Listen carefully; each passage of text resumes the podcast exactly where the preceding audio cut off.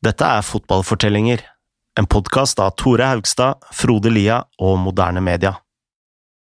I 7-0-seieren mot Jugoslavia danser Uruguay seg forbi sine motstandere. Videre gjennom de olympiske leker spiller de en type fotball som europeerne aldri har sett. Laget ingen visste om før turneringen, viser seg å være ballkunstnere av en annen verden.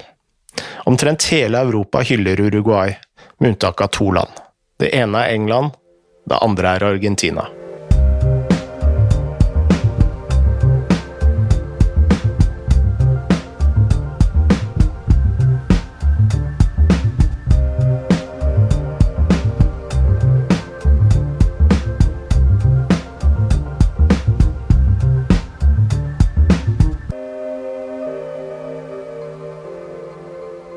Med seier mot Jugoslavia var Uruguay allerede i åttendedelsfinalen.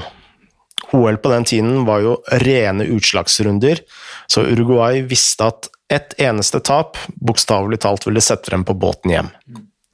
Men eh, mot eh, Jugoslavia hadde de ikke akkurat virket eh, nervøse. De hadde ikke det. Vi så i første episode at Uruguay lærte fotball fra britene, men at de deretter utvikla sin egen spillestil sammen med Argentina. Denne ble kalt La Nuestra, altså vår egen, og refererte til den artistiske stilen som mange søramerikanske lag senere har blitt kjent for. da. Dette er kulturen hvor du har festfotball, drible, driblefanter, finter, hælspark og magiske tiere osv. Mm, skikkelig, skikkelig show. Artisteri på høyt nivå. Og man skulle jo tro at denne stilen først kom litt seinere, når spillerne var blitt profesjonelle og man visste litt mer om kosthold og treningsmetoder osv. Um, vi husker jo at Uruguay hadde en 21-årig roer som fitnesstrener på båten til OL. Uh, men Uruguay skal ha spilt en fotball som allerede var ganske sofistikert på denne tida. Ifølge Alvaro Perez var dette en helt annen type fotball enn den de europeiske lagene spilte. The playing style was was seen to have been developed by Argentina and Uruguay, but in general, Argentina was more known for this type of playing style. And I actually took a quote from the book. It explains something interesting, and I, I don't know if this is derogatory, but they said that um, when they went to the 1924 Olympics, the, um, the, the, the idea was that the Europeans were playing, and I quote, rugby with feet. So apparently it was just very direct, straight physical, crashing through opponents. This is what was written, and I do take this with a bit of skepticism because, like I said, this is only one point of view of you know what happened. But the way that the Uruguayan and Argentinian style was described was essentially the beginning of what we consider to be, um, I, I, suppose, a more modern iteration of football. So, for example, we had you know short passes, give and goes, uh, players moving around and actually rotating together, like in a synchronized fashion, um, defense splitting through balls, crosses. They were doing a lot of short touches back and forth, back and forth. Apparently, from what this narrative states, that had never been seen before. So that was the sort of the uh, the idea, right? That that they had developed that style of football, sort of reinforced by the Copa Americas, you know, of the 1916s and into the 1920s. Uruguay tok denne stilen med seg inn i neste kamp mot USA, et annet lag som deltok i OL for aller første gang. Der vant Uruguay 3-0, og nå begynte folk virkelig å legge merke til dem. Ja, for det må jo ha vært litt av et skue å se dette laget spille, med disse korte kombinasjonene på en tid hvor alle andre bare banka ballen opp, opp på banen. Det er en forfatter som heter Chris Freddy, og han har skrevet en bok som består av kamprapporter fra hvert eneste OL og VM. Altså, han, begynner, han begynner i Aten og tar for seg hele historien. Han sammenligna Uruguay med Spania-laget som vant VM i 2010. Um, Uruguay var åpenbart ikke i nærheten av det samme nivået, men kanskje var effekten de hadde på publikum um, sammenlignbar. Gabriel Hanot, som senere skulle bli redaktør i L'Equipe, skrev følgende Seierherrenes fremste kvalitet var en fantastisk evne til å motta ballen, kontrollere den og bruke den. De har så god teknikk at de samtidig klarer å oppfatte posisjonene til lagkameratene. De står bare ikke stille og venter på en pasning. De flytter seg, bort fra markørene for å gjøre det lettere for lagkameratene.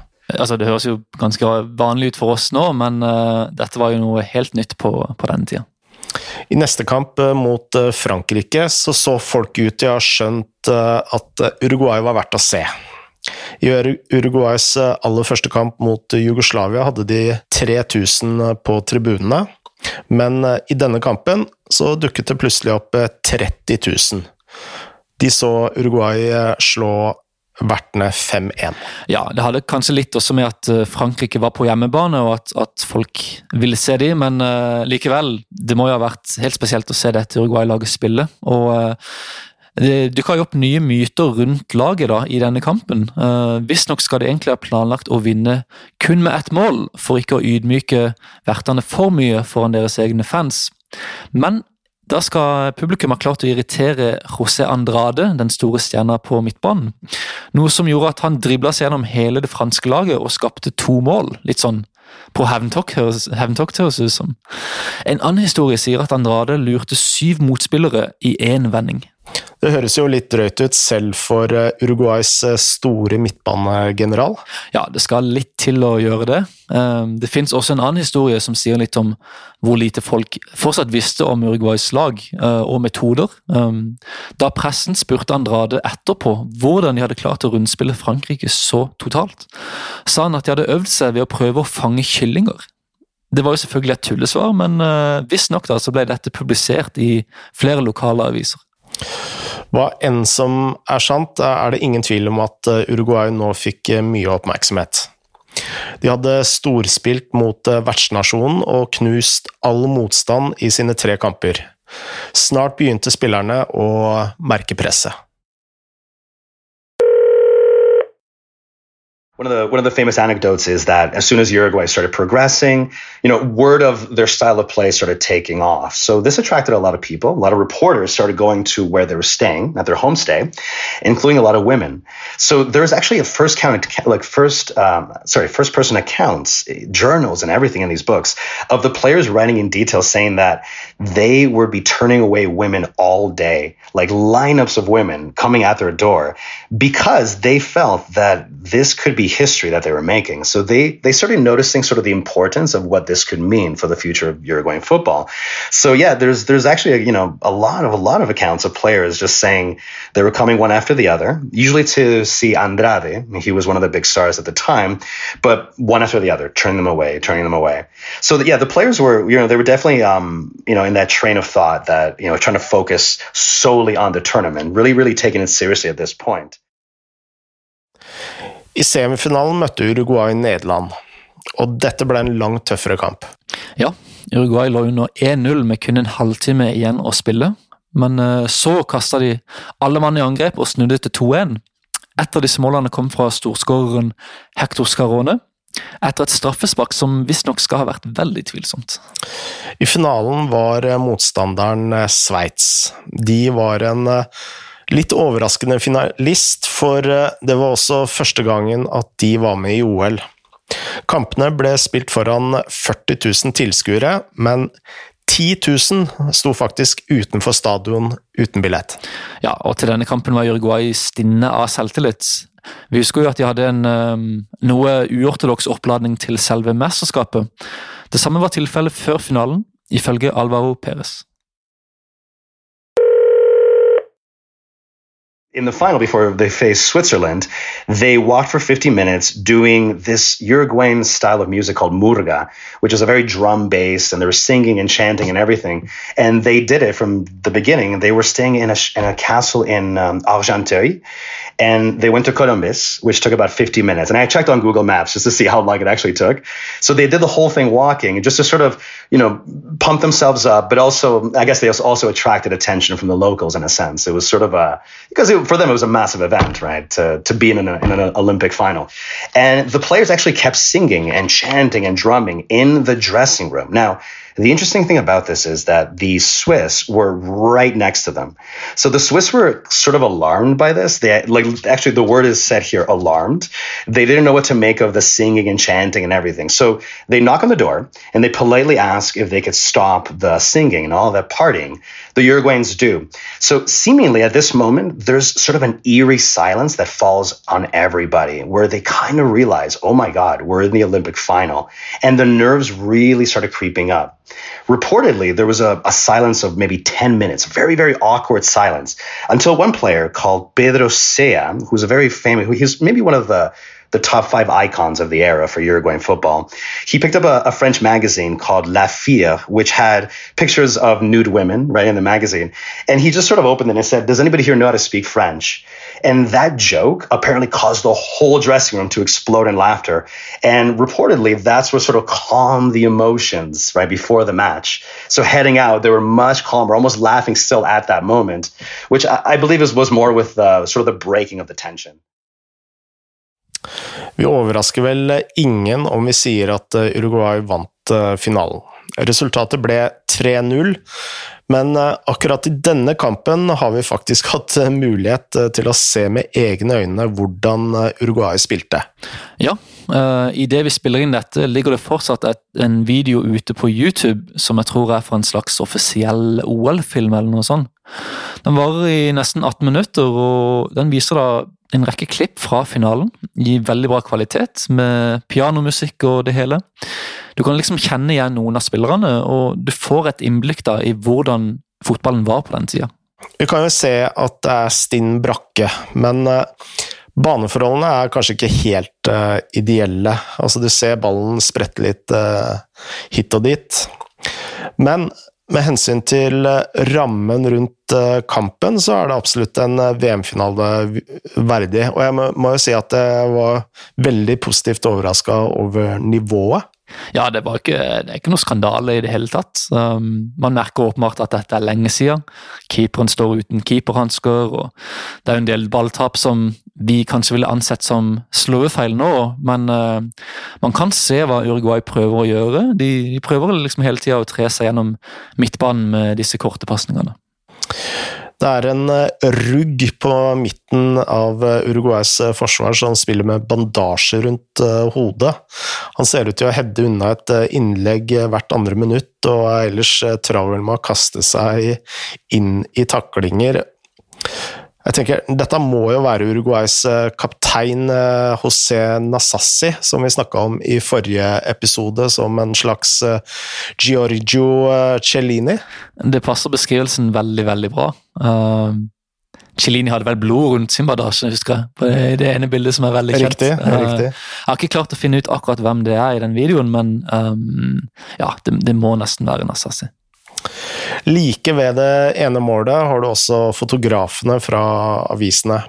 Det var jo ikke noe reklameskilt på den tiden, så de går jo fritt bak mål og går på kne omtrent på dørlinja for å ta bilde med disse gamle kameraene, i dress, selvsagt. Mm, mm, skikkelig old school. Um, det er også et annet øyeblikk hvor keeperen til Uruguay, Andres Massali, oppdager kameraet like ved målet og begynner å liksom, se inn i linsa og, og prate med kameramannen. Og dette mens kampen pågår og han fortsatt står i mål. Altså, kan du tenke deg Iko Casillas i løpet av VM-finalen som plutselig begynner å snakke med en, en, en videokameramann eller en fotograf i, i, løpet av kampen? Det virker jo helt utenkelig.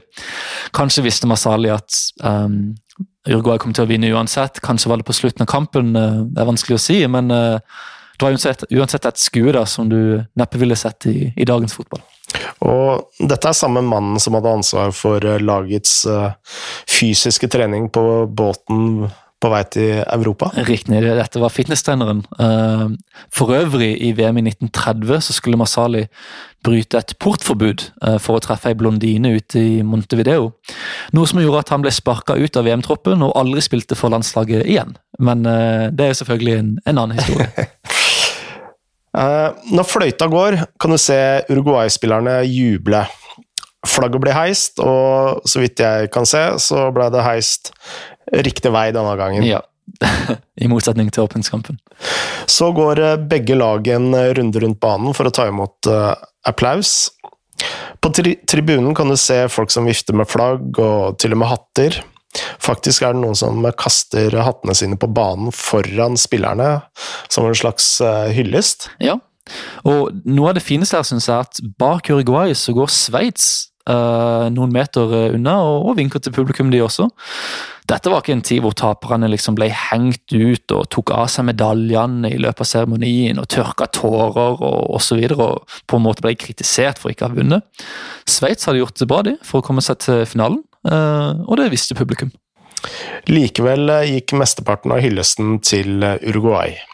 Ikke bare på stadionen, men også i pressen. De blei jo rett og slett eh, hyllet av et eh, samlet pressekorps som eh, verdens beste landslag. Ja, dette var en av OLs store sensasjoner, ikke bare i fotball, men uansett idrett.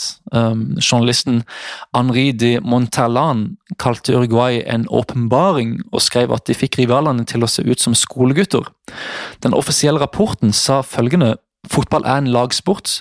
Det er kun Uruguay uruguayanerne som har demonstrert dette. Mm. Det finnes også et uh, veldig godt sitat fra den uh, spanske journalisten Enrique Carcelac. Han skrev at uh, jeg har sett fotball i 20 år, og jeg har aldri sett noen spille like mesterlig som dette Uruguay-laget. Jeg trodde ikke fotball kunne spilles med så mye artisteri. Det var som at de spilte sjakk med føttene. Sjakk med føttene, rett og slett. En annen kjent beskrivelse av denne sensasjonen var jo fra Eduardo Galeano, en av Uruguays mest kjente forfattere.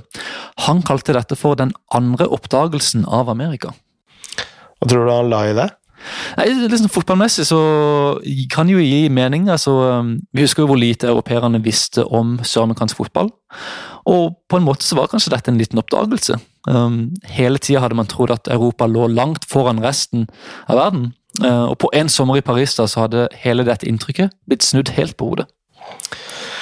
Det er jo bare én ting som uh, mangler her, og det er uh, England. England, som skal ha vært verdens klart beste landslag, var jo ikke med i OL. Hvordan kunne Uruguay da utropes i pressen som det beste landslaget? Nei, det er jo det store spørsmålet her. England skulle være de beste. Eh, vi husker det store forspranget de hadde, og hvor, hvor, tidlig de var med å spille fotball og innføre eh, profesjonalitet, eller profesjonalisme. Men de hadde jo aldri testa seg mot så sterk motstand som det Uruguay hadde møtt i OL. Eh, og Chris Freddy, som vi nevnte, som har sett alle kampene i både OL og VM, har skrevet at om Uruguay hadde møtt det engelske landslaget på den tida, med proffer involvert, så hadde Uruguay fortsatt vært favoritter. Kjenner vi engelskmennene rett, eh, så hadde du vel eh, neppe vært enig i den analysen? Nei, på ingen måte. Uh, mens resten av Europa hylla Uruguay, så kom den britiske pressen med en litt sånn sarkastisk uh, applaus. The Times skrev f.eks. følgende Det er ingen tvil om at de er et veldig godt amatørlag. Og ordet amatørlag sto i, faktisk i fet skrift med store bokstaver. I praksis så sto det det. Uh, altså, du, du, hørte budskapet. altså, Jo da, Uruguay har et flott lag, de har gjort det bra i OL, men selvfølgelig hadde de ikke hatt sjans om de hadde møtt Riktig. Englands proffer. Det var jo også et eh, annet land som hadde en eh, høne å plukke med Uruguay, nemlig Argentina. Da Uruguay kom tilbake til hjemlandet, ble de mottatt som helter. Nyheten om OL-gullet hadde betydd så mye for landet at regjeringen hadde innført en fridag. Det ble trykket frimerker som eh, feiret triumfen. Spillerne fikk pengepremier som eh, en takk for bragden. Rett og slett. Mens Uruguay ble hylla, måtte Argentina bare stå der og se på, rett og slett. De var jo selvfølgelig storebror i denne rivaliseringa. De hadde vunnet den første landskampen, de hadde fått fotball først. De var et mye, mye, mye, mye større land. Ehm, de hadde spilt jevne kamper mot Uruguay i en årrekke i Copa America. De hadde grunn til å tro at de fint kunne vunnet OL i Paris om de bare hadde deltatt. Så nå vil de vise hvem som virkelig var best? Ja. Omtrent så fort Uruguay hadde steget av båten i Montevideo, ble de utfordra av Argentina til en playoff over to kamper. Dette skulle føre til noen av de mest berømte oppgjørene i søramerikansk fotballhistorie. Disse kampene skulle ta rivaliseringen mellom Uruguay og Argentina til et helt nytt nivå. Forholdet mellom lagene ble bitrere og mer intenst enn noen gang. Dette varte frem til neste OL i Amsterdam, hvor begge lagene kjempet om tittelen som verdens beste landslag. Den krigen skal vi snakke mer om i neste episode.